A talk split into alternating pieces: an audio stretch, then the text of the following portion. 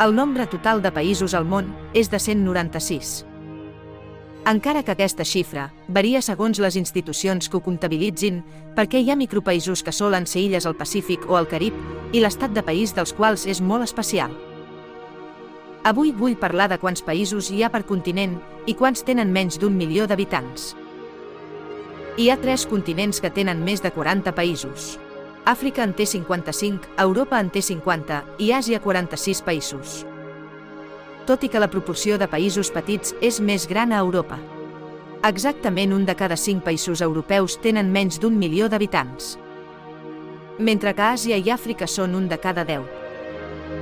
Per parlar d'Amèrica, consideraré aquest territori com a dos continents, Amèrica del Nord i Amèrica del Sud. Encara que sobre aquest assumpte, hi ha qui introdueix una tercera regió anomenada Centreamèrica i encara que geogràficament parlant es considera un únic continent.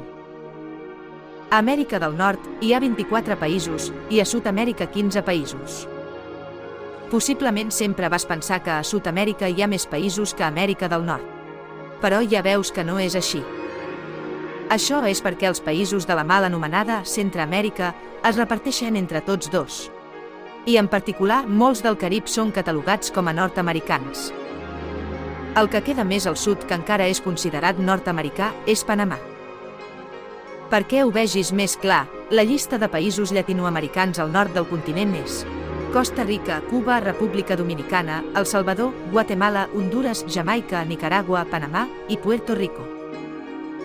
Com sigui, tant al nord com al sud, aproximadament un de cada tres països americans és de menys d'un milió d'habitants, 4 de 15 al sud i 10 de 24 al nord. Aquesta proporció és molt més gran que Euràsia i Àfrica. L'altre continent és Oceania, on la proporció encara és més notable.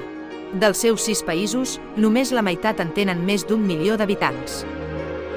Aquests són Austràlia amb 26 milions, Papua Nova Guinea amb 10 milions i Nova Zelanda amb 5 milions.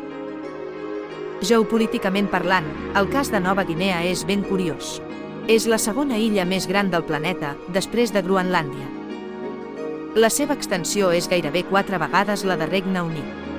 I políticament està dividida literalment per la meitat. La meitat esquerra pertany a Indonèsia, Àsia.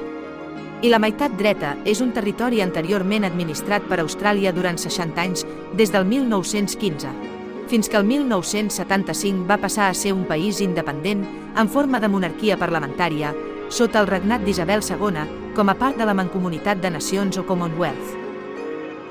Espero que aquest episodi t'hagi ajudat a redibuixar d'una altra manera el mapa geopolític, sempre canviant i sobretot amb molts matisos i ambigüitats.